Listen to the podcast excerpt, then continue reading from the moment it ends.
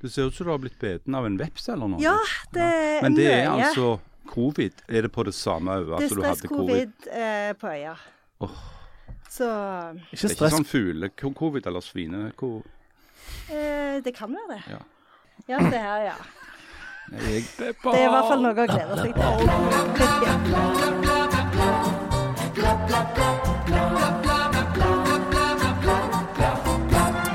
I Storbritannia varer statsministrene nå i ca. tre kvarter før de byttes ut. Hvorfor har britene slutta å virke? Netflix feirer ti år i Norge. Vi får verdenslitteratur fra Vigrest, og jeg har bestemt meg. Jeg skal boikotte VM i fotball i Qatar. Nei. Jo. Nei, jeg skal se på. Jo. Nei, vet du hva. Jeg skal faktisk jeg...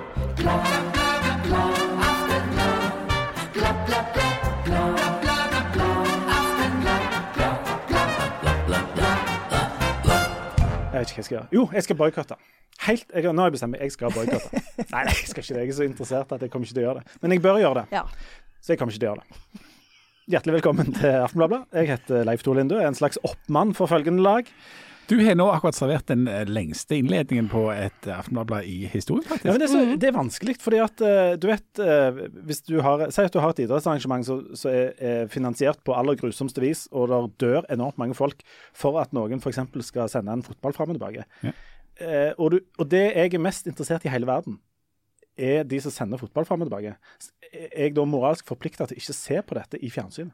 Det er jo noe av det vi skal komme tilbake til. Nemlig. Ja, og vi må jo òg diskutere sånn fotballklister òg. Ja, det må Ja. vi selvfølgelig gjøre. Mm. gjøre. Men eh, først ta med de som er her, altså dette eh, laget. da. Eh, vi har med Harald Birkevold. Politikkens egen Pelé. Oppskrytt, ego og på høyden for et par tiår siden. Hjertelig velkommen. Jeg er ikke helt god. Nei, det mangler det faktisk mye på. Du, har, eh, du sliter litt med røysten. Du har litt lite stemme. Ja, jeg har litt, litt sånn rar stemme, men jeg håper han får meg til å høres veldig sexy ut. Og, Den, og, eh, og sånn litt sånn Tom Waits-aktig. Ikke i hele tatt. Det høres ut som en som burde vært inne i behandlingsapparatet. Eh, det er heller ikke så veldig uvanlig. Vi har òg med Jan Zahl, totalt uinteressert i fotball. Det er jo din dårligste eh, personlige egenskap, men du er alltid klar for en krangel om emnet. Det skal du Ja, ja, og jeg trodde jeg hadde jo så mange dårlige egenskaper at, eh, at det var noe litt uventet at det var den dårligste. Ja, Det sier gjerne litt om hvor jeg legger lista, men jeg, eh, jeg står på det. Og så har vi gjerne Stigen Rangsholt, eh, José Mourinho-fangirl, Ja. og vel en slags jordfreser på sentral midtbane på turneringer på svært lavt nivå. Det stemmer. Og kjent òg som kvester av forfattere i internkamper. Ja, jeg eh, gjorde jo eh, ingenting. Eh, men Du eh, hevder at det var en ren takling, og han ligger nå i koma på tredje uka i kunstig Det er jo faktisk for ille. Ja. Og jeg er tapt for litteraturen i, i, av den grunn. Det er et sykt farlig å spille fotball, faktisk. Og så har vi Leif Tore Inde, innbytter på permanent plass Ja. på sidelinja, eh, men eh, veldig god heier. En slags nødløsning på lang sikt. og det, kan vi, det må vi jo kunne leve med. Eh, alle er passelig slitne og, og møre, hver på sin front. Eh, Jeg er ikke sliten. Nei, du er ikke sliten. Selv om det er Jeg onsdag. riktignok ikke sovet spesielt Hvorfor er du ikke det? Ja, men du har blitt vant til det, da. Nå Men altså, trenger du ikke søvn. når jeg ser meg rundt her, så føler jeg meg som en slags sånn perfekt menneske, rett og slett. Her sitter han som liksom skal være eh, Stavanger Aftenblads stemme i den offentlige debatten, og har ikke stemme. Og så sitter eh, hun som skal se ting så klart ifra sitt, med sitt analytiske blikk, med et øye som ser ut som du var i en slags sånn boksekamp. For det er USA utsleden. utsliten. Ja, så er det Leif Tore Linde, og han er det vanskelig å komme på noe å si om. Jeg tror jeg må bare lukke øynene litt mens vi sitter og snakker, faktisk. Det er, jo Men i ingen, et- det er jo ingen som hører på og ser at du har øynene Nei, igjen. nei, det er Nei, jo det. vi ikke skal-. Vi vi må ta, vi må ta noen bilder radio i dag. Jeg gleder meg til å ta bilde. Men sant, i et, eh, i et eh, hav av blinde og døve og stumme, så, kan jo, så jo, blir jeg en konge, da. Du er konge. Ja. Det er helt sant. Vi har fått et par uh, henvendelser fra allmuen. Uh, vi, vi rekker jo ikke å gå gjennom alle, men uh, en ting jeg ble litt nysgjerrig på. Det var noen som mente de hadde sett eh, eh, Janne inne i en eh, bokhandel. Kan dette stemme? Ja. Og da er mitt oppfølgingsspørsmål. Går du inn i bokhandler og spør om de har den der eh, Ingrid Winther-boka for å liksom booste ditt eget For det har jeg hørt folk gjøre, nemlig. Nei, eh, jeg har jo hørt at eh, Gert Nygaardshaug Han har jo en sånn en gerilja som går rundt og alltid spør etter bøkene hans. Men eh, jeg pleier bare å gå rett bort til hylla hvor jeg vet at de skal høre til å stå. Hvis de står der, så tar jeg og så setter de med fronten ut. Hvis ikke, så ble jeg bare veldig sur. Står de på J jeg- for Jo Nesbø eller N for Nesbø? Men, men det, det er noe av det, det Altså, Det virker jo så glamorøst det der med å være sånn forfatter og skrive bøker, sånn, som det, men stort sett er det jo bare trist. Ja, det er jo enormt kjedelig kjempelenge, for Ja. du må bruke all fritid på å sitte og jukke og gni på disse setningene dine, og så kommer driten ut, ingen er interessert. Nei. Og så går du rundt og tenker ja, nå er han i bokhandlene, så er han jo stort sett ikke Nei, det. Og, og i så fall med ryggen til, og hvis du i tillegg begynner eh, vitnene på sett, så er du jo helt sist en eller annen Ja. plass. Altså, det er faktisk det Jeg syns jeg var utrolig godt oppsummert. For det er jo bare nedtur på nedtur, faktisk. Jan har gitt ut et par hefter, og han er jo så uheldig at han, hans navn slutter jo på Z, så han havner Det begynner på sett. Ja, ja, ja, ja det begynner på Z. Og hvis du skal gjøre pirken Men poenget er at dine bøker havner jo ikke i synsfeltet engang. De er helt nederst på den hylla, helt nede med på en måte i skohøyde. Ja, det er så. Og det er jo derfor de ikke selger noe. Det er sannsynligvis derfor. ja. Ja, det er derfor. Og, så er det, og, og det er herlig sånn ydmykende å, å gå inn og sånn Ja, har dere ikke den der eh, Jeg, jeg har nemlig nettopp skrevet en artikkel om debuten til Bjørn Eidsvåg. Ja. Um, eh, og han eh, mobiliserte altså en haug med sånne gospelkor til å spre Fordi at butikkene ville jo ikke ta inn eh, plater han ga ut. For det var jo sånn kristen musikk, og det hørte til noen kristne handler helt ut på sidelinja. Men han fikk masse gospelkor til å springe rundt i platebutikkene og spørre etter den Bjørn Eidsvåg-plata, til og med før han hadde kommet, for å vekke liksom interessen. Og vet du hva slags effekt det hadde? Null. Ingen. det var kun én plass de ville ta inn Bjørn Eidsvåg-plata, sånn grovt sett, og det var Åge Aleksandersen, som jobbet i en platebutikk i Trondheim. Han tok en inn. han. Ja, de andre sa nei, vil ikke ha det. Så Åge Aleksandersen er på en måte Han redda karrieren til, til Bjørn Eidsvåg. Ja, det er bra Bjørn Eidsvåg ikke ble kansellert, iallfall. Ja, det var det. det, det var, ja. Noen ville jo ment at han burde vært Men den diskusjonen tar vi ikke. Vi, skal, vi hopper over i en annen diskusjon som vi har så vidt toucha innom her. Og det er og Dette er min store uh, pine om dagen. Uh, fordi nå begynner jo snart fotball-VM. Altså 20. november. Det er rett rundt hjørnet. Og noen av oss, faktisk tror jeg tre av fire her inne, er ekstremt interessert i eh, fotball. sant? Jan, du er jo ikke interessert, og du slipper på en måte å forholde deg til dette. Yep. Jeg er egentlig ikke så veldig interessert i fotball. Jeg er interessert i Liverpool og Viking. Ja, ikke fotball-VM. Jeg eh, bryr meg ikke om det norske landslaget. Jeg har ikke gjort det på mange, mange år. Nei, De boikotter jo dette med å være så dårlige at de ikke får være med. Og jeg, jeg syns òg Ja, ja. Jeg hadde vel kanskje sett på en og annen VM-kamp. Eh, eh, og nå går det jo på en normal tid på døgnet òg, gjør det ikke det? Jo. Så det kan vel være, men eh, jeg strir jo med den tanken, jeg òg. Er dette noe du skal se på, eller skal du levere? Ja, fordi at, og dette handler, For dere som er i ferd med å skru av fordi det handler om fotball, så handler det ikke altså om fotball. Det handler om, dette handler om sånn samfunnsforhold og hvordan vi forholder oss til land vi ikke liker å sammenligne oss med. Fordi eh, VM i fotball arrangeres i Qatar. Eh, og Dette er et arrangement som Qatar fikk etter eh, det som er blitt påvist som korrupsjon fra Fifa, som altså styrer dette. Eh, I mange rapporter er det blitt dokumentert grove brudd på menneskerettighetene i Qatar. Fremmedarbeidere som dør mens de bygger stadionanlegg ute i en glovarme ørken. Pressefriheten er elendig. To norske presseteam har blitt anholdt i landet. Homofili er forbudt, kan straffes med fengsel i sju år. Og Qatar driver et enormt prosjekt med det som heter sportsvasking. Altså at de kjøper seg inn eh, i idrett rundt omkring og prøver å gi verden et annet bilde av dem enn det som nok er det reelle. Så det er en haug med ting som eh, gjør at eh, dette er noe som folk nå må ta stilling til. Så skal altså fotball-VM arrangeres i dette som i hvert fall jeg vil kalle for et drittland. Og der står vi og kniper. Um, Men Da er det vel sånn at uh, Fotballforbundet og Norge og, og kongehus og regjering og alt i hop er sjeleglade for at uh, Norge ikke er så enormt gode til å spille fotball, sånn at de slipper å være med. Sånn at uh, norske myndigheter og interesser slipper å ta stilling til hvordan de skulle forholdt seg til det. For det er enormt lett å være moralsk når du ikke skal være med. og denne diskusjonen har vært i Norge, og det vi endte opp med, var en form for dialoglinje. Altså, eh, vi gjør ikke stort sett ingenting. Eh, det, er norske fotball, eh, altså, det er norske fotballfolk som har talt disse folka rett imot på deres egen hjemmebane, og det skal Lise Klavenes, som da har gjort dette, ha all honnør for. Men Norge driver ikke noen form for boikott. Og det, her er det det begynner å bli vanskelig for meg. Fordi at jeg mener at dette er et arrangement som helt åpenbart er muligens Kanskje. Et åpenbart muligens kanskje bitte litt eh, Men noe, noe elendighet som bør boikottes. Men spørsmålet er har det noe for seg at jeg boikotter dette? Ja, og da er det jo samme spørsmålet Har det noe for seg at Norge boikotter det? Ja. Når vi ikke er med engang? Ja. Hvis vi hadde vært med, hadde det, noe hadde det, hadde det hatt noe for seg at vi boikotter det da? Siden vi ikke er en spesielt viktig fotballnasjon. Så det er jo liksom det med Men hvis det er noen som begynner å boikotte det, er det sånn at det kan føre til at flere boikotter det?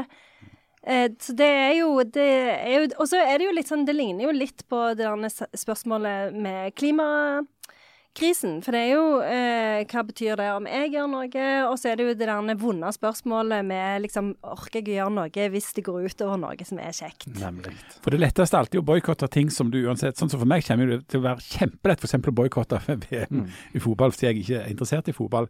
Men det er jo derfor det er pina for deg, fordi at du er så kjempeinteressert i fotball. Men hvordan boikotter en eh, VM i Qatar når Norge ikke er? Altså Hvordan er det du på individnivå kan boikotte? Ja, du kan du kan jo bare rett og slett bare la være å se på. Ja. Men det merker jo ingen i Qatar. Nei, sant. Altså, det er jo noe du gjør mer for din egen del. Uh, men så kan du jo du kan velge å boikotte sendingene til uh, f.eks. NRK og TV 2, som jo har kjøpt i fellesskap brukt tror det var 100 millioner kroner for å sikre seg rettighetene til VM. Uh, og så ved å la være å se på, så vil det jo på en måte merkes på seertallene hos de, for de måler jo dette. Så, så hvis mange nok eh, lar være, altså skrur av TV-en og lar være å se på sendingene, så vil jo det eh, bli i gåseøyne et form for tap da, for de som, som sender det. Særlig den kommersielle kanalen TV 2. Og så er det jo sånn at Jeg stoler jo ikke på at folk lar være å se på. Og Da er vi tilbake til den der, og det er en, som du nevnte, en parallell til sånn miljøeffekt. Det greiene jeg gjør, har ingenting for seg sånn i utgangspunktet. At jeg lar være å se på VM, viser ikke i disse tallene. Det viser jo hvis mange gjør det. Og jeg tror de andre der, de kommer til å se på. Så jeg er veldig fristet til å se på sjøl. Og så er det jo sånn at dette er et arrangement som kan boikottes på ekstremt mange nivå. De burde jo aldri hatt arrangementet. sant? Eh, og så burde kanskje eh, fotballforbundene, eller de som er med liksom, i, den, i, stort her, de burde jo boikotte det, men det gjør de ikke. Så burde hvert land boikotte det, men det gjør de ikke. Kunne enkelte eh, fotballspillere boikotte det? Det gjør de ikke. Sånn at denne, Vi kommer altså helt ned til meg som på en måte er, har minst med dette å gjøre. Eh, Blir spørsmålet om jeg skal boikotte det. Og hvor, hvor, hvor er det ansvaret mitt begynner? Det, Ja, for det, Så kunne jo NRK og TV 2 ha boikotta Ja. det. Norske medier kunne jo boikotte det. Vi kunne latt være å skrive om det. Men det er noen som skal gjøre det, og det finnes puber i Norge for eksempel, som ikke vil vise VM. Men jeg synes det er jo litt Det som er litt problematisk med fotballen, er jo at det er så store problemer der fra før av. F.eks. når Newcastle ble kjøpt opp av litt sånn tvilsomme folk, så De eh, ble var det jo kjøpt opp av Saudi-Arabia. Ja. Staten Saudi-Arabia. jeg velger å kalle de litt tvilsomme folk, hvis det er greit for deg. Ja, det er helt riktig. Er det, det er sånn forfattergrep. Dere har den boka der noen kalles uh, Saudi-Arabia for litt tvilsomme folk. Jeg har to eksemplarer. Da var det jo eh, mange liksom krevde at Newcastle-supportere skulle være flaue og skifte lag og eh, liksom ikke gå på kamper, og ingen som hørte på det. Eh, Newcastle er jo større enn noensinne. Så jeg tror liksom at hvis du er fotballfan, så er det så mange sånne moralske dilemmaer som du må ta stilling til hele tida. Ja, men det er jo og som eksempler eh, fører til at- at, Ja, men det er, her, det er eksempler nettopp på at, at f.eks. supportere har meldt seg ut kollektivt av klubber. Ja, men samtidig så er det jo så mye korrupsjon og så store problemer i fotballen at det er jo ganske vanlig å vende eh, eh, ryggen til. Altså sånn bare ignorere det fordi at du er så interessert i det og syns at det er så gøy. Og jeg syns jo det er vanskelig, for jeg elsker fotball-VM og syns det er kjempegøy. Og helt til nå så har jeg vært innom sånn, skal aldri se på det. Og så er jeg sånn som det. Og det merker jeg innad i familien òg. Vi har vært sånn eh, eh, Hjemme hos meg så har, har vi alltid sånn fotballbøker med klister. Eh, etter det så langt eh, nå har det vært sånn eh, ja, det skal vi i hvert fall ikke ha. Og så har de jo blitt så sykt dyre. Det er vel 10 000 kroner det koster, tror jeg, å det fylle sant, opp ja. ei sånn ei bok. det er godt dere er så enormt rike. Vi skal jo ha fem. Men, men, Men jeg kan bare si en ting til. Og det òg har det det vært det, For det òg har det vært sånn veldig bombastisk. Nei, det skal vi i hvert fall ikke ha. Men nå når vi er innom Narvesen, så er det jo liksom Å, har de sånn? Ja. fotballbøker? For det, vi har ingen moral. Nei. Kan jeg få lov å si noe nå? Ja, Hvis det er Tusen takk. intelligent, opplysende, altså, underholdende Det var akkurat uh, OL i uh, Kina. Jeg syns det var godt sagt. Jan, har du innspill? Uh, og hvor var da de som ville eh, sånn, Du kan tenke deg hva som hadde skjedd hvis det offisielle Norge for eksempel, hadde boikotta OL i Kina.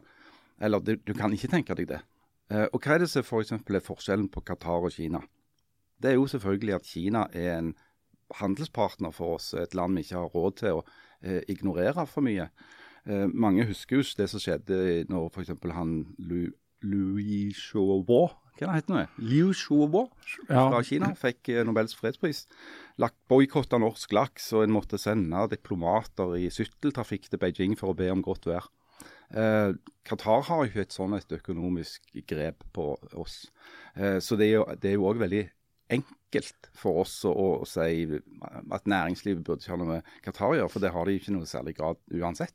Det er liksom som å boikotte Hønefoss eller et eller annet Ja. eh, ubetydelig. Men, og, og, for det, det som du sier, Dette problemet er jo større enn dette fotball-VM. fordi at Hvis du går tilbake eller ser nå hvem det er som får disse arrangementene OL, altså Det er Russland, Kina, eh, Saudi-Arabia, Qatar, Dubai eh, altså, altså det, og, det, og det er fotball, og det er Formel 1, og det er sjakk, og det er liksom Det er overalt. Men, og, og det som er jeg syns gjør dette så vanskelig, det er at det der spørsmålet om du skal boikotte det, blir Jeg føler det er urettferdig. at Det blir lagt på meg. På, indi, altså på det aller, aller laveste nivået må vi bestemme dette. Det er ingen i av sånn uh, myndigheter eller organisasjoner av, av de som burde tatt den jobben med å være harde på dette, som faktisk gjør det. Og det, det Jeg mener at dette er ei for tung bør til å legge på min skulder. Men hvorfor er det ingen som, som tar på seg å gjøre det, da? Hva er forklaringa på det?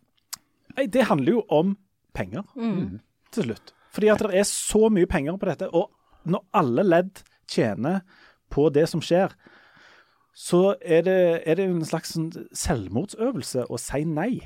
Men de pengene, hvor kommer de fra? De kommer jo i siste instans ifra deg.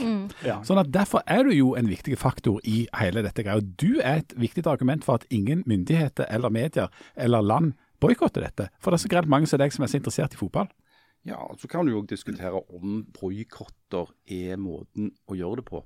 Eh, jeg skulle gjerne hatt litt mer sånn faktabaserte eh, diskusjoner om det. Da er du på feil plass. Ja, Ja, det jeg er vet- ikke Jeg vet at dette er helt feil men jeg tenker mer sånn i samfunnet. fordi at eh, Det er ikke så godt å si om, om boikott er et fornuftig virkemiddel, om det, om det faktisk spiller noen rolle.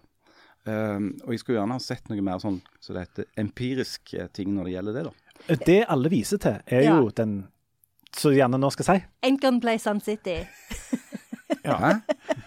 Var det ikke det? Sør-Afrika. Sør-Afrika. Ja. En gang Plain Sun City, ja. ja, ja, ja. For, altså, Little Steven, var det ikke Ja, det? jo. Ja. Fortell, altså, for Nå er vi tilbake til apartheid-tida i Sør-Afrika. og Da var det boikott. Altså kulturell eh, boikott, akademisk boikott, økonomisk boikott. Og det er jo, blir jo alltid henta fram som et eksempel på at Nemlig. jo, det funker.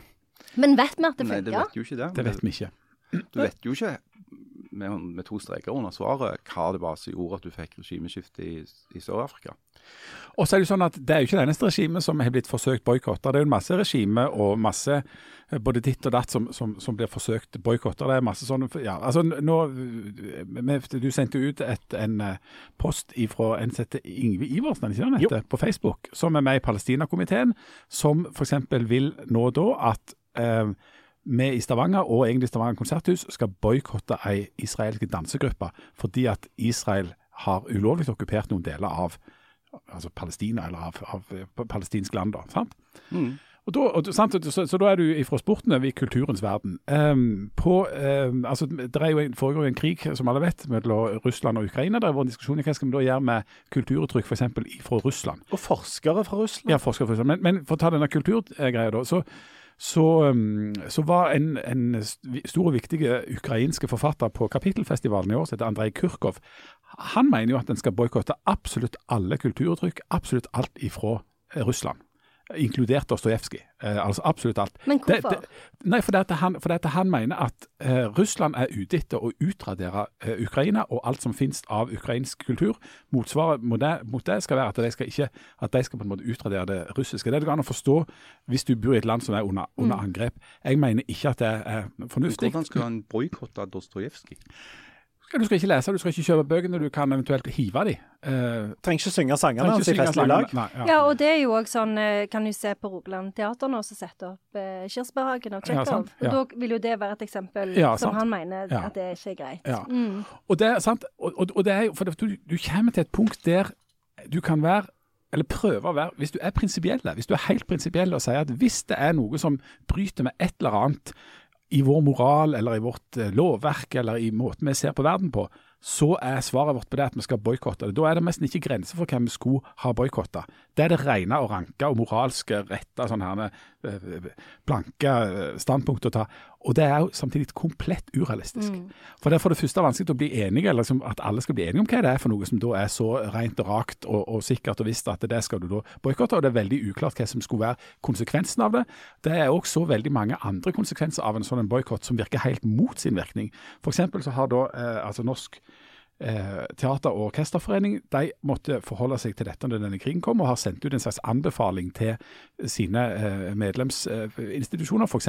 Stavanger konserthus, der en altså er tydelig på at at en er kritiske til og, og, og sterke motstandere av Russlands invasjon, men at en dermed skal sånn blankt bare boikotte absolutt alle ting som kommer av kulturuttrykk derifra. Det å, å, å ta det for langt. Og F.eks. skille deg mellom å boikotte altså Si at du får da, sånn som dette dansekompaniet. Lederen av dansekompaniet, det israelske som kommer her, er sterkt kritiske til Israels eh, okkupasjon av eh, territorier på Vestbredden. Eh, det er ikke vedkommende som står ansvarlig for den okkupasjonen, f.eks.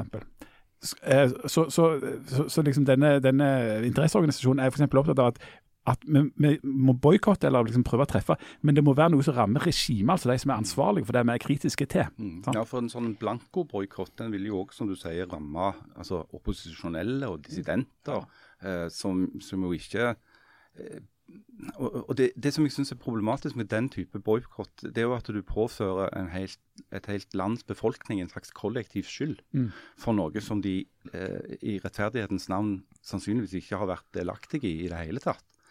Eh, så, så, jeg synes det, det, altså Den type sånn kulturell eller åndelig boikott er noe materielt forskjellig fra en, en sånn sanksjoner. Noe som rammer økonomisk, eller som, som handler om å, å ramme eh, de ansvarlige, så å si.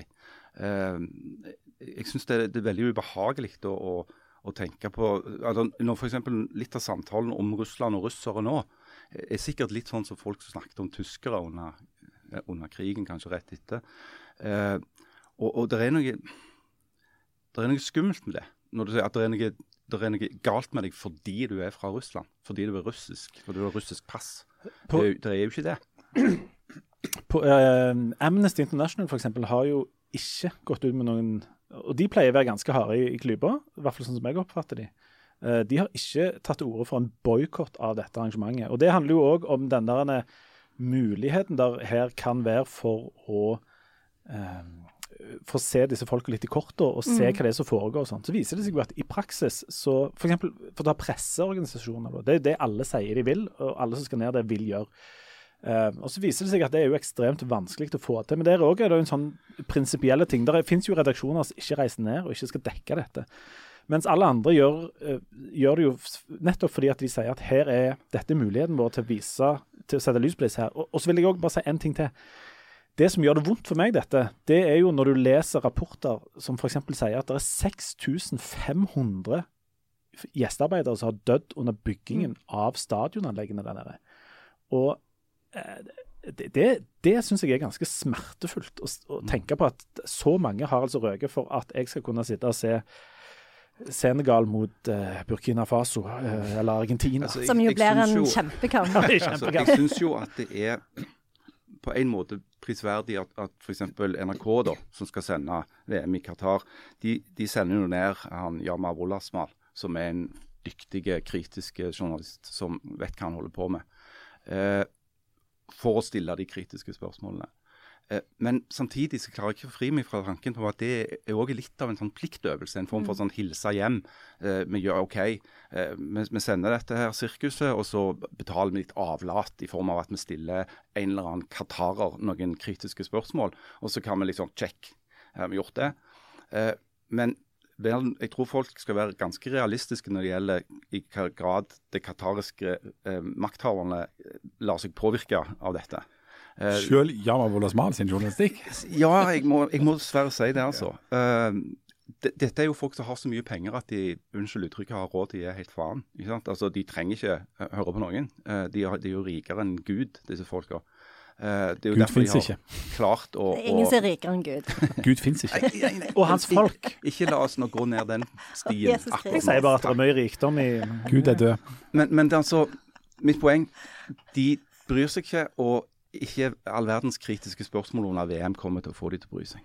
Men jeg er jo enig i det du sier, Leif Tore, at det er jo problematisk at det alltid blir eh, lagt eh, fokus på individet. For det er jo akkurat det samme som eh, miljøkampen igjen, da. Det, eh, og det er jo det som er en av de store problemene som har blitt eh, som man har snakket om i det siste, at det, det er liksom alltid individet som skal resirkulere plasten. Eh, og når forbrenningsanlegget brenner på fôret, så hva skal vi gjøre da? Så, så, det, er, så, så, så det, er liksom så, synd at det ikke er større krefter som jobber her for å Samtidig... faktisk gjøre en sånn en kollektiv endring. Jo, men, jo, men det, er jo, det, er jo, et problem at liksom du sitter der. Det er jo ikke sånn med vi av franske vin når Frankrike drev med sånn atomprøvesprengninger. Så var det liksom to uker der hvor vi liksom gikk rundt og, drakk. Du var tolv år og boikotta fransk vin. Ja, men, samtidig... så har den boikotten skapt mange arbeidsplasser. Ja, For den skapte jo en voldsom etterspørsel etter vin fra andre Ja, ok, Så da eh, har vi jo et eksempel på at det fungerer som, med boikott. Som kom seg inn på polet, og siden har vært der. samtidig så illustrerer jo dette den der feigheten som da ligger der. For at eh, der alle og i, uansett om en er enkeltindivid eller oppe ved organisasjonene, gjerne vil at noen andre skal ta ansvaret mm. for å bestemme det som jo, er vanskelig. Jo, men hvorfor kan de ikke det? Altså, ja, sant? At Det mest lettvinte for oss vil jo være hvis noen andre hadde bestemt seg for å boikotte, sånn at vi på en måte slapp å skru på fjernsynet, for det var ingenting. Det, det var bare 'husker du' og, mm. og, og, på sparket og sånn. Eh, et eller annet sånt. Mens disse organisasjonene, de, eh, eller NRK eller hva det er for noe, de kjøper disse rettighetene, for de vet jo at det er et slags folkekrav at dette må jo bli sendt. da. Så da, Og så sier de ja, men altså Norge er jo ikke boikotta dette. og så sier Norge ja, nei, vi boikotter du ikke, men folk må gjerne boikotte. Altså, så det, det, det, dytter rundt på den der eh, brennende ballen der. Um, og hvis ikke jeg boikotter dette, så blir jeg han der karen som eh, står og ser på en sånn en uh, engangsgrill på stranda og sier her må myndighetene gripe inn. Mm. Ja, ja myndighetene må gripe inn. Men skal du boikotte, da? Nei, og det, jeg blir jo ikke klok på dette. Og, en måned igjen. det ja. Bestemme seg på. Nei, men, og, og jeg, nå skal jeg være helt ærlig, det bør en jo aldri være. Men mitt, min offisielle holdning til dette her er at dette bør boikottes. Ja. Og, og, det handler jo ikke bare om denne effekten min boikott har på, på seertallene til NRK og TV 2, men det handler jo om, om meg. Altså at jeg vil gjøre det jeg mener er rett, litt sånn uavhengig av effekten av det. Pluss at det er jo ikke bra at de spiller VM i november. Det har jo ekstremt mange problematiske ja, ja. konsekvenser for de forskjellige ligaene. Så det er jo ingen, det er jo ikke bra for noen. Samtidig så kjenner jeg meg sjøl såpass godt at jeg vet at jeg kommer til å sprekke. Dette er litt sånn som Nei, men dette er litt det, Nei, for dette er min versjon av Haralds hvite måne. Kjøtt er svakt. Leif Tore, du holder med Arsenal. Ja. Det engelske fotballaget Jeg holder først og fremst med Viking, men ja. Du holder med Arsenal? Ja, det gjør det. Hva heter hjemmebanen til Arsenal? Emirates. Ja. Hva er, hva, hva er, Emirates i denne sammenhengen? Nei, jeg vil si at det er et, eh, et sånn uh, Litt kjipt flyselskap. Ja. Det er landet De forente arabiske emirater. Jo, men de er òg sponsa av staten Rwanda. og eikt. Ja, da er jo alt i orden. ja, og, de, og, det blir eikt av russere. Og, mm. du, og, det er sånn som Jan sier, hvis du skal holde din sti rein på dette området her så må, må du holde med Liverpool. Nei, ikke de heller. Du må låse deg inn i et uh, veldig mørkt kort og bare bli der, for det er helt mulig. Ja. Du kan ikke kjøpe appelsiner fra Israel, du Nei. kan ikke kjøpe noe fra Nestle, du kan og ikke i, kjøpe cola. I kulturlivet så kan du ikke være med på Statoil-sponsa arrangementer, og, de, og, noen kan ikke engang ta imot statlige penger, for det mm. der er det Statoil-penger. Det, det, er klin umulig. Jeg kjøper ingenting fra Nederland pga. Arjen Robben. Og du gjør det, ja? Ja. Jeg boikotter jo, for, ja. jeg boykotter jo f.eks. Eh, Laos. Ja. ja. 100% Alt, alt laotisk. Jeg kartla dette, og jeg trenger ingenting fra Laos. sånn at det er liksom eh, den enkle måten å gjøre det på. For å irritere deg, så har jeg begynt å boikotte Bhutan. Nei! jo. Jeg sier nei til Jeg forsverger alt butanesisk. Inkludert deg. Du skal ikke være med å bygge denne veien som går rett gjennom Bhutan? Nei, jeg skal ikke sette mine bein på den veien. Men ok, For å prøve å oppsummere litt. Er det et personlig ansvar å boikotte dette arrangementet? Ja. ja. Eller det er et pers... Altså, det er jo det, til syvende og sist. Altså, du må jo alle bør jo tenke over valgene de tar, uh, særlig når det gjelder sånne ting som dette. Det, så, ja, jeg er enig, det er et personlig ansvar. Sånn. Ja, det er jo det. We're all individuals. I'm not. There is no such thing as society. society. Og igjen fikk vi bevist at det er ingen eh, sånne eh, forsøk på intellektuell diskusjon som ikke kan oppsummeres med et lite Monty Python-sitat. Nå skal vi ta en liten pause, og når vi kommer tilbake, så skal vi prøve andre intellekt... Sånne smarte samtaler. Vi er, det var Tenkte de du på som leia, in- ja. in- Intellelle? vi er snart tilbake. Samtaler. Ha det.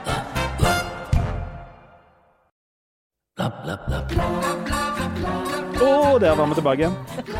Eh, Med stadig nye forsøk på intellektuelle samtaler.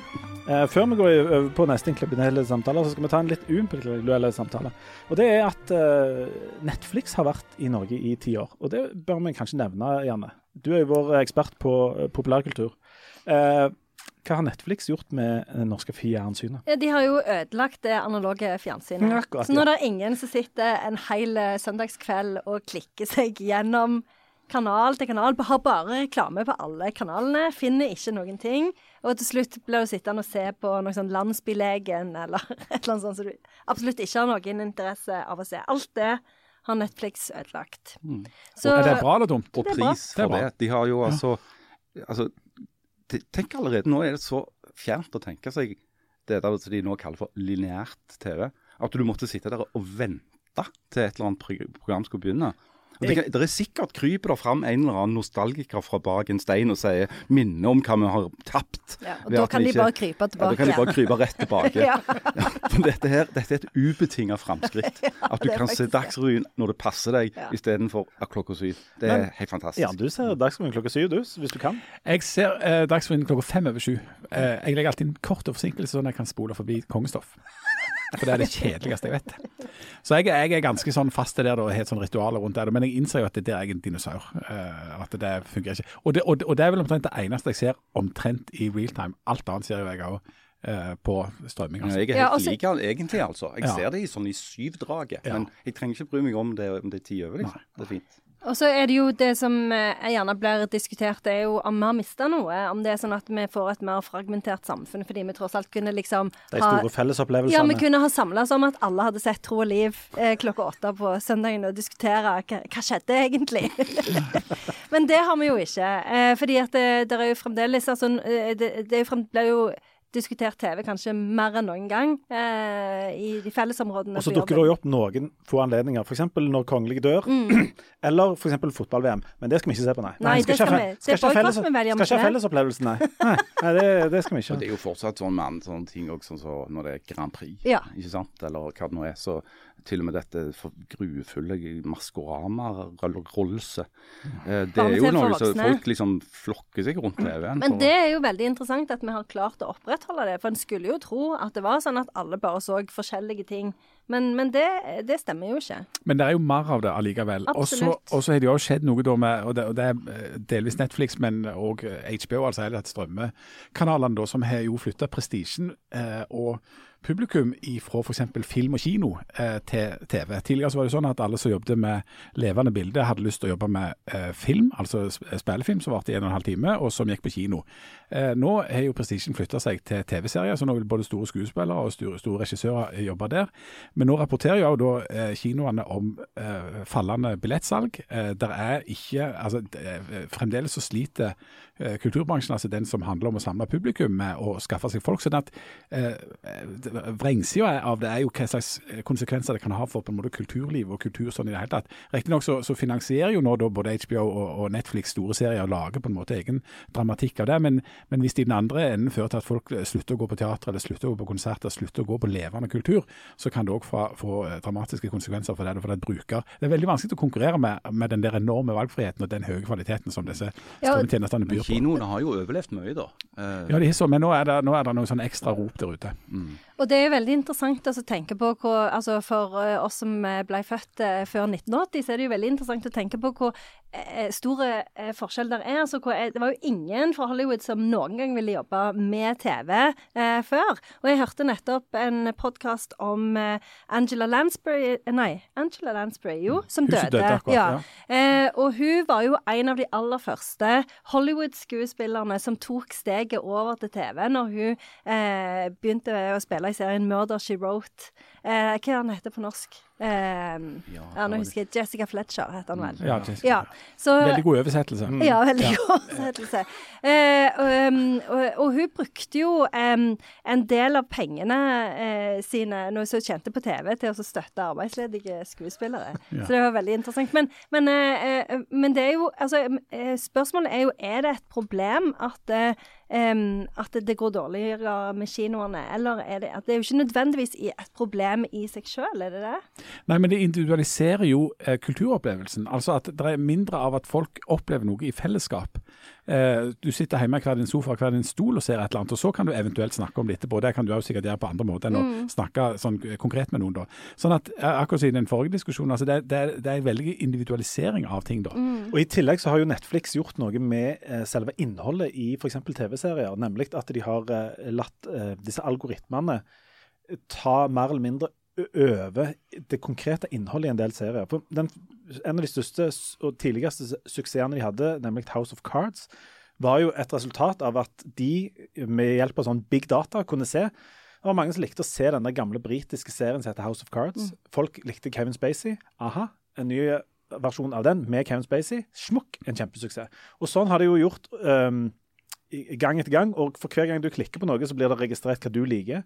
Så du får andre anbefalinger enn det jeg får. Og, blir, og de produserer òg innholdet på grunnlag av det de vet folk liker. Så du, du får mer av det du likte. Nemlig. Og min, ja, sant. Tidligere så prøvde jo òg TV, inn, altså de som lagde innhold for TV, å lage ting folk likte. Men nå vet vi det. Altså, De vet det ned på millimeteren. Det er jo nøyaktig på samme måten algoritmene til Facebook og andre sosiale medier fungerer. De gjør gir deg mer jeg- av det du vil ha. Altså, med, ja, Du får sikkert uh, sånn forslag fra Netflix. Her er det uh, romantiske komedier med sterke kvinner fra 60-tallet. Det liker Hvordan du. visste du det? Nei, jeg vet hva du liker, vet du. Sterke kvinner fra 60-tallet, det var jo det bare å velge og vrake, det. Ikke sant? Angela Lansbury. Ja. Men det, det er derfor du får som eh, du, eh, Hvis du går inn på f.eks. en Netflix-profil, har dere delt Netflix-profiler hjemme? Ja, dessverre så deler jeg jo med ungene, så Ja, det blir litt det av, eh, litt av en smak der. skal jeg si. Men hvis du går inn og ser, hvis dere har delt og har holdt på lenge, så vil du eh, oppleve at eh, du- altså, du har jo ikke i nærheten av samme Netflixen. Altså Det er to helt forskjellige verdener. Det er det samme som Facebook òg. Din Facebook og min Facebook ser så enormt forskjellige ut. Men samtidig så syns jeg de er veldig dårlige på å anbefale ting. Så de er ikke så, de er ikke Nei, så smarte. de kjenner meg ikke så godt som de tror. Nei, du får vel bare Trygve Du får Skau-anbefalinger. bare Trygve Skau-anbefalinger og sånne skrekkfilmer om sånn synkehull. Og sterke kvinner fra 60-tallet. Ja, de er jo, det går jo, sier jo det seg sjøl. Si, Må alltid være med en sterk kvinne fra 60-tallet. ikke sant? Jeg tenker at den dagen de algoritmene virker, så kommer jeg til å synes at det er kjempebra. For da har du spart enda mer tid. Ja, det. Ja. Men du slipper, men boikotter du eh, House of Cards fordi at Kevin Spacey er blitt beskyldt for noe i noen rettssaler? Og ja, men og der da er vi jo- inne på cancel culture Man. Og det har jo Netflix da tatt ansvar og fjerna han. Mm. Han er jo ikke dømt for noe, men Der er en hårfin grense mellom altså cancel culture og boikott. Mm. det er. Altså, det som du blir sint nok av til å ville boikotte, trenger ikke være det som jeg blir sint nok av til å ville boikotte. Ja. Jeg syns fremdeles Louis C.K. er morsomme. Okay. absolutt. Og jeg ser absolutt på det. Og det var siste, det var penger siste gang Jan var med i denne Jeg betalte masse penger for å se han i kuppelhallen når han var her i, ja, det? i vår. Det er var greit. grassat løye. Det er bare Altså- sponsa overgrep. Men han, han, han er jo Og du hater det løyen, pusekatter òg, hæ? Ja, ja. Ja. Sant, Ja, og det det. der med å stå og masturbere foran eh, folk som du har ansatt, det er jo må De som ikke har gjort det, kan kaste den første steinen, Ja. tenker jeg. Det er livsfarlig. dette. Rekk opp ei hånd. Ja. Det Hvis, du hvis du ser en, en eh, tiss der, å, da OK. Og det For det må du jo bare akseptere. At det er en del av hverdagen. Nå, Respect the cock, for å sitere en annen nå, film. luk- nå, Nå kjenner jeg at det, det øyet mitt bare Ja, nå blir det enda mer hoven. ser ingenting. Og nå, nå lukker vi Nå kommer du på det andre òg. nå lukker vi det vepsabolet som hun sa brura, og går over på noe helt annet. Nå skal vi snakke om en som er. Takk. Eh, Nå skal vi snakke om en som er rikere enn kongen og har overtatt et synkende skip. Men Harald ikke rikere Birkevold. enn Gud. Ja, hallo, det er ikke du Gud er død. Hallo, hallo. Nei, det er ikke Harald Birkevold som er rikere enn kongen, eh, men han, du har overtatt et synkende skip, så der eh, Der har, du noe, der har du noe til felles med denne Rishi Sunak. Er det sånn vi uttaler navn? Rishi, eller Risky Sunak, Risky. som noen liker Eller å kalle ham. Eller uh, Risky the Robot, som jeg Risky også the Robot. han, har, han er altså Storbritannias nye uh, statsminister. Ja, Eh, I den blussende unge alder Ja. av 44 år. Og Vi har ikke sjekka den siste timen, men vi tror han fremdeles er eh, statsminister. Og Det er sannsynligvis kommet en ny innen de siste hører den podkasten, men nå snakker vi om han. Um, det er jo ikke så lenge de sitter, disse uh, toryene. Nei. Og rett og slett fordi at det, Storbritannia er nå eh, en slags pøl av problemer. Og De neste tre minuttene Ja. kan du få lov til å fortelle om dette uavbrutt.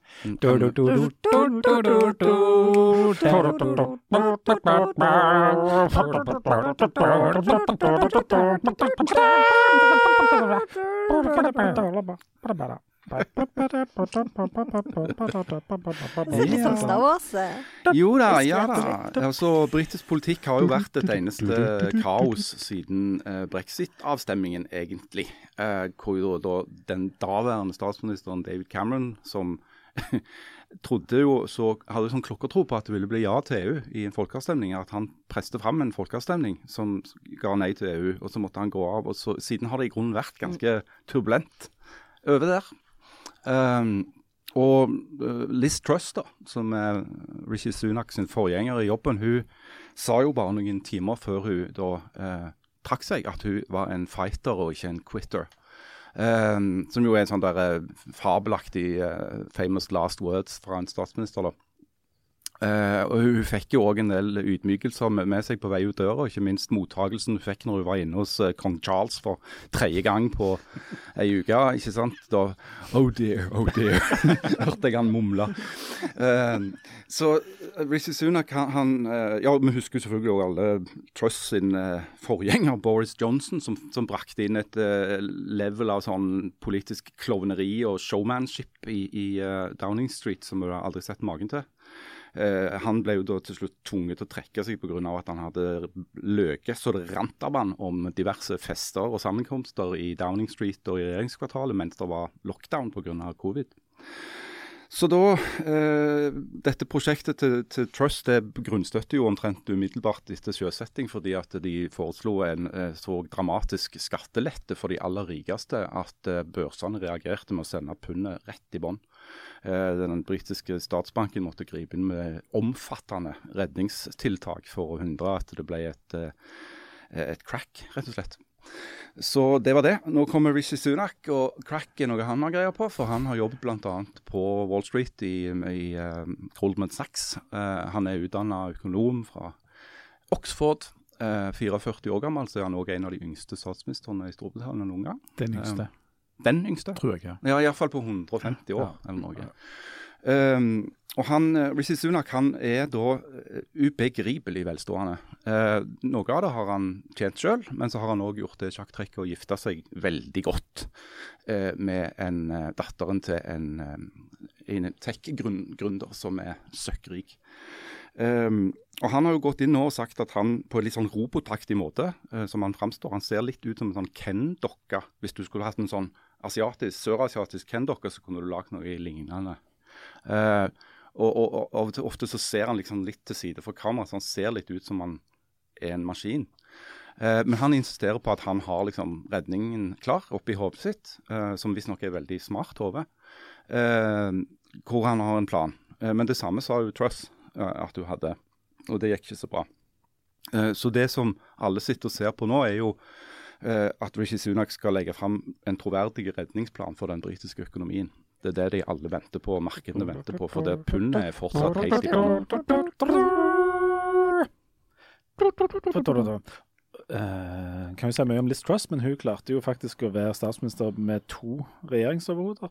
Jo. Og det var vel alt hun klarte. Og hun klarte ikke å, å leve lenger enn dette salathovet. Det var så Nei, det var, det var veldig bra. Ja, fortell om salathovet. Ja, altså, ei britisk tabloidavis heter Daily Star. På et visst tidspunkt så var det såpass turbulent rundt denne Truss at de eh, eh, lagde sånn, her, sånn TV i sånn realtime på, på nett. da, altså At de hadde et bilde av, av denne Liz Truss, og så hadde de et salathove de hadde kjøpt inn. Og så var rett og slett spørsmålet hva varer lengst, salathove eller Liz Truss? Og så vant salathove.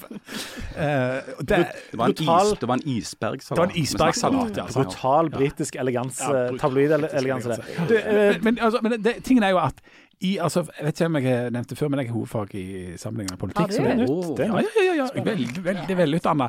Og eh, det der med å stadig skifte regjeringssjef, eh, og at det er litt sånn mye styr og kaos og sånt, det er ikke nødvendigvis et sånt pluss innenfor For å bruke en metafor som Leif Tore vil skjønne, det, det er som klubber som skifter trener hele veien. sant? Sånn Ja. det, Og det skjer ofte etter, etter de mister garderoben, har jeg hørt. ja, de mister først garderoben, hvordan nå er det mulig Og, Ja. Og så sparker de Ja, for, ja, for Dette er et symptom på noe, Jan, på at det er trøbbel på, som ikke bare handler om pass, altså, hvem det er som sitter øverst i Storbritannia. Ja, det, er- det er et symptom på. Altså, det er et symptom på ustabilitet og på altså, at, at det er veldig mye gale på en gang. Og det er veldig lite som blir løst stort sett av at en stadig skifter eh, trener eller statsoverhode. Da. Og, og det er jo mange som har sagt at hvis, eh, hvis eh, f.eks. Storbritannia hadde ligget eh, på et, et kontinent og blant de landene som de tidligere hadde som kolonier, så ville du ha kalt det for en slags bananrepublikk nå. For det, dette er jo sånn typisk sånn jalla-system, liksom at du skifter statsminister i hytt og vær. Italia har jo vært verdensberømt for å skifte statsminister like ofte som du skifter underbukse. Men, men, men eh, Storbritannia har jo et, et system, et valgsystem, som skal Argumentet for den måten de har et valgsystem på, skal være nemlig å sikre kontinuitet og lange linjer. Det er et, et valgsystem som gjør at det partiet som vinner, stort sett vinner med enorme margin. Det har jo de konservative gjort, så de har jo liksom et voldsomt, voldsomme gjeng eh, i dette underhuset. Men de klarer altså å rote det til selv om de sitter med all makt. Og Det sier noe om kompetansenivået sannsynligvis til de der som sitter og styrer, men det sier jo noe om det trøbbelet som eh, Storbritannia har plassert seg i etter at de meldte seg ut av EU, rett og slett, etter brexit. og, og det trøbbelet som det konservative partiet har satt seg i. Absolutt. Ved å, eh, altså Store deler av det konservative partiet eh, så at de hadde noe igjen for å backe brexit. Eh, men det er fløyer i det partiet som er omtrent like store politiske motstandere som Labour og, Tor og Toryene er. Eh, er altså Innenfor det konservative partiet så er det alt ifra beinharde nasjonalister som, som skal ut av alt, ikke sant, og til og med imot den handelsavtalen som de har inngått med, med EU, eh, til mer sånne lyseblå eh, konservative som, som, er, som er tilhengere av EU, eh, og som ønsker eh, en helt annen sosialpolitikk, f.eks. Eh, og en av de tingene som gjorde, så- altså, satte dette på spissen, det var at Boris Johnson, eh, som jo på mange måter kan kalles for en slags politisk bløffmaker, han gjorde i alle fall én ting, og det var at han satte i gang ganske store infrastrukturprosjekter og sosiale investeringer i de fattigste delene av Storbritannia, hvor mange hadde stemt på brexit, for å levere på de løftene som de ga. Eh, og Det, det, det koster mye penger. Eh, det betyr at den, eh, statsbudsjettet svulmer opp pga. disse prosjektene som Johnson ville ha, eh, ha ut i livet. Og det har jo fått de såkalt fiskalt konservative, de som vil ha en mindre stat og bruke mindre penger, til å se rødt, eller blått, egentlig. Eh, så de har sett blått, mørkeblått, og så har de eh, fått inn som jo skulle representere dette eh, mer det ekstremliberale synet, da. Med bare gigantiske skatteletter og så en tro på sånn trickle down. At hvis bare de rikeste får bli rikere, så vil alle tjene på det. Og det gikk jo ikke så godt. Nå er det jo spennende å se hva Sunak gjør, for han kom jo fra en bakgrunn som ligner på den fiskalkonservative, eh, klassiske erkekonservative eh, tanker. Men samtidig så har jeg sett i hans eh, CV at han har drevet med en del sånn sosialt entreprenørskap og sånn. Eh, om det er noe han har gjort fordi han skal framstå som mer menneskelig, eller om han faktisk mener det, vet jo ikke jeg. For det er jo, og det er jo ganske sjokkerende å se på eh, hvor store problemer de har i England nå med fattigdom. Eh, og, og det liksom det, har, Den spiralen har, har gått så veldig fort. Bare liksom de siste årene så har det blitt, folk har blitt så utrolig fattige. Eh, og sånn så eh, Jeg liker jo, som dere vet, å høre på Twitter the, the Day eh, om morgenen. Eh, og før Tweet of the Day så har de et innslag om Farming Today. Eh, og der Det er bra. Ja, det er veldig interessant. Veldig interessant. Eh, og der hadde de et eh, innslag for noen uker siden om eh, alle de i England som ikke har elektrisitet. Mm. Så de fortalte om barn som kommer hjem fra skolen og må ta på seg hodelykt fordi de ikke har strøm hjemme. Nå er det jo heat or eat, Mm. uh, som jo er, har blitt et sånt buzzword. sant? Som, som rett og slett beskriver situasjonen at så mange folk i Storbritannia må velge om de skal ha varme på, eller om de skal varme opp maten. De kan ikke gjøre begge deler. Og dette er jo Eh, helt sprøtt. Dette er altså et land som er en time med fly herifra, og som er en av Europas største økonomier, hvis det ikke er den. Ja, vi snakket jo om det. Nei, Tyskland er størst. Ja, Tyskland ja. Vi vi snakket om snakket det. om dette med drittland. Ja. Ikke sant, Uh, tidligere i sendingen. Og på mange måter, unnskyld at jeg sier det, for jeg elsker mange deler av den britiske kulturen og, og det britiske folket og mye av det de står for. Uh, men det er på mange måter et drittland òg, for det at Storbritannia har aldri klart å kvitte seg med klassesamfunnet. Altså de enorme medfødte forskjellene der er. Eh, og, og hvor lite sosialt mobilitet det er. Hvor vanskelig det er for folk som ikke kommer fra en privilegert bakgrunn, å få en utvikling i livet sitt. Eh, og det har alltid vært et sånt ankepunkt for meg da, mot, mot Storbritannia. For det at de har ikke klart å fikse det. Og Noe av det sprøe med når dronning Elisabeth døde, var jo at hun overtok jo dette landet når det var på en måte, Når sola faktisk aldri gikk ned over det, det imperiet der, og det var em, på en måte litt sånn unyansert sagt, men nesten sånn grenseløst rikt. Og så har det gått underbakke i en helt sinnssyk fart. Eller det, har, ja, det er ikke sikkert det har gått så mye underbakke, men det har ikke klart å holde fulle med den velstands... Men- eh, det, det for eksempel sånn som vi har opplevd i Skandinavia. Da, å komme til Storbritannia eh, ut forbi London da, er jo det er ikke De har ikke fått til, selv om de har hatt vekslende sosialdemokratiske regjeringer. eh, Og i perioder, særlig i i etterkrigstiden, altså på 50-tallet, så hadde Storbritannia òg en ekstremt progressiv skattepolitikk, som jo førte til skatteflyktninger som eh, Rolling Stones og ikke sant? Altså, de, de har hatt sine moments, men de har aldri helt klart å fikse denne omfordelingen. og Det, det har jo litt akselerert nå som Storbritannia skulle satse på, istedenfor å drive bli en industrinasjon og drive med industriprodukter, skulle satse på tjenester, finans, finans og finansielle tjenester og den moderne serviceøkonomien. Eh, og Det har jo ført til at du har fått en ytterligere opphoping av kapital i noen få miljøer. Eh, typisk rundt City i London, finansdistriktet.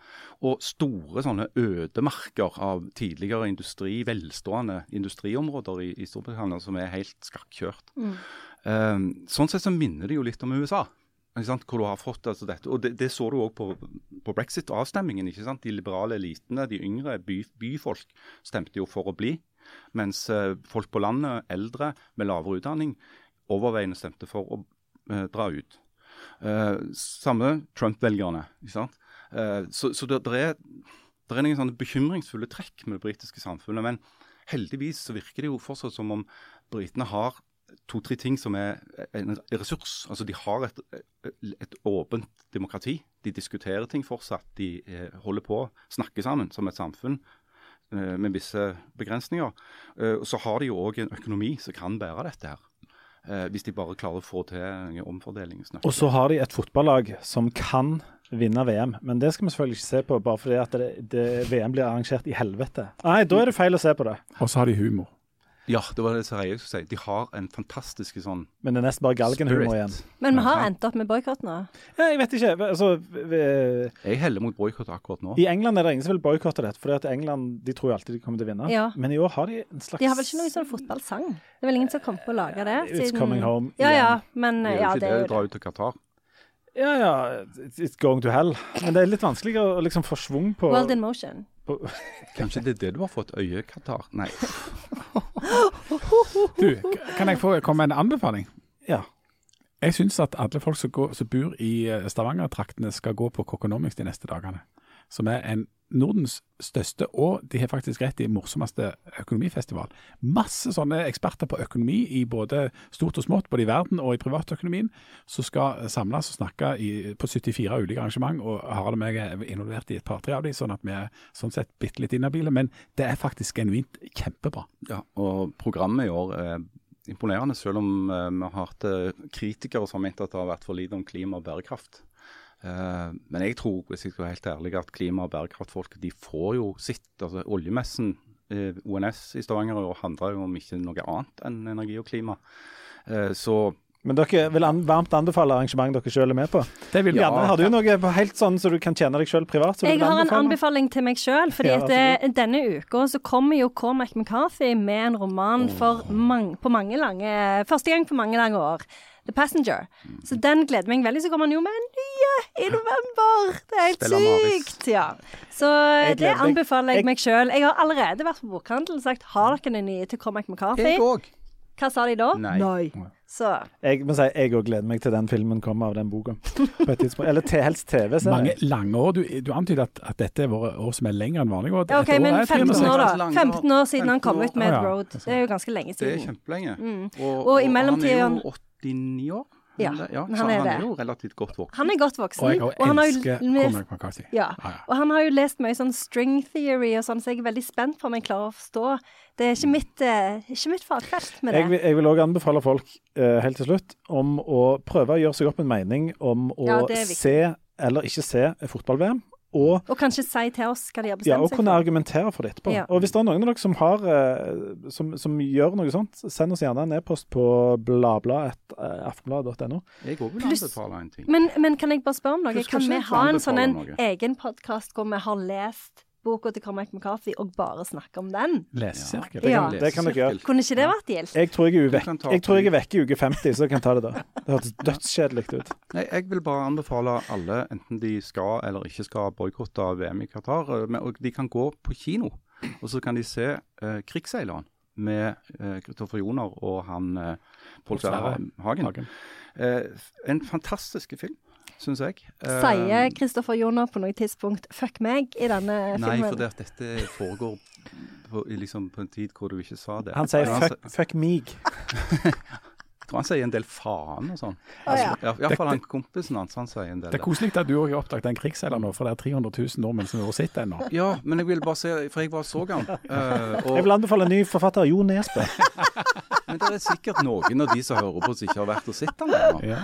Helt Så da sier jeg at det bør dere gjøre. Og så kan de òg se Thomas mot Thomas, eh, lagd av eh, Jakob Røvik fra Sandnes med Arthur Berning fra Stavanger i 15 roller. Den er kjempebra. Og hvis dere først skal lese ei bok, så må dere passe på å lese ei god bok. Og eh, eh, vår kjære avslutter, eh, emissæren fra Vigrest, har jo lovt å lese oss og seg sjøl gjennom verdenslitteraturen. Så jeg tror vi overlater ord og toner, som det heter, til deg, og så snakkes vi andre om eh, ei uke. Ha det. Ha det. Ja, sist vil jeg jo fordype meg i Frans Kafka sin 'Prosessen'. Og jeg tenker som så at før vi kan gå videre inn i det postmoderne landskapet, så må vi lese oss gjennom modernismen og alt det den måtte bringe. Så i år I år, nei, denne veka jeg vendte meg mot Marcel Proust sitt verk, På sporet av den tapte tid, der han lar de lange setninger og resonnement få leve. Den begynner slik. Lenge gikk jeg tidlig til sengs. Noen ganger hadde jeg knapt slukt lyset før øynene glei igjen, så fort at jeg ikke engang fikk tid til å tenke nå sovner jeg av. Og en halv time seinere ble jeg vekt av tanken på at det var visst på tide å sove. Jeg ville legge fra meg boka jeg trodde jeg ennå holdt i hånda og blåse ut lyset. I søvne hadde jeg fortsatt å tenke på det jeg nettopp hadde lest, men disse tankene hadde hatt en tatt en helt spesiell vending. Det forekom meg at jeg sjøl var det som boka beretter om. Ei kirke, en kvartett, striden mellom Frans den første og Karl den femte. Denne forestillingen holdt seg levende i noen sekunder etter at søvnen hadde sluppet meg. Han støtta ikke an mot fornuften, men tynga meg så skjell på øynene og hindra de å oppdage at lyset var sløkt.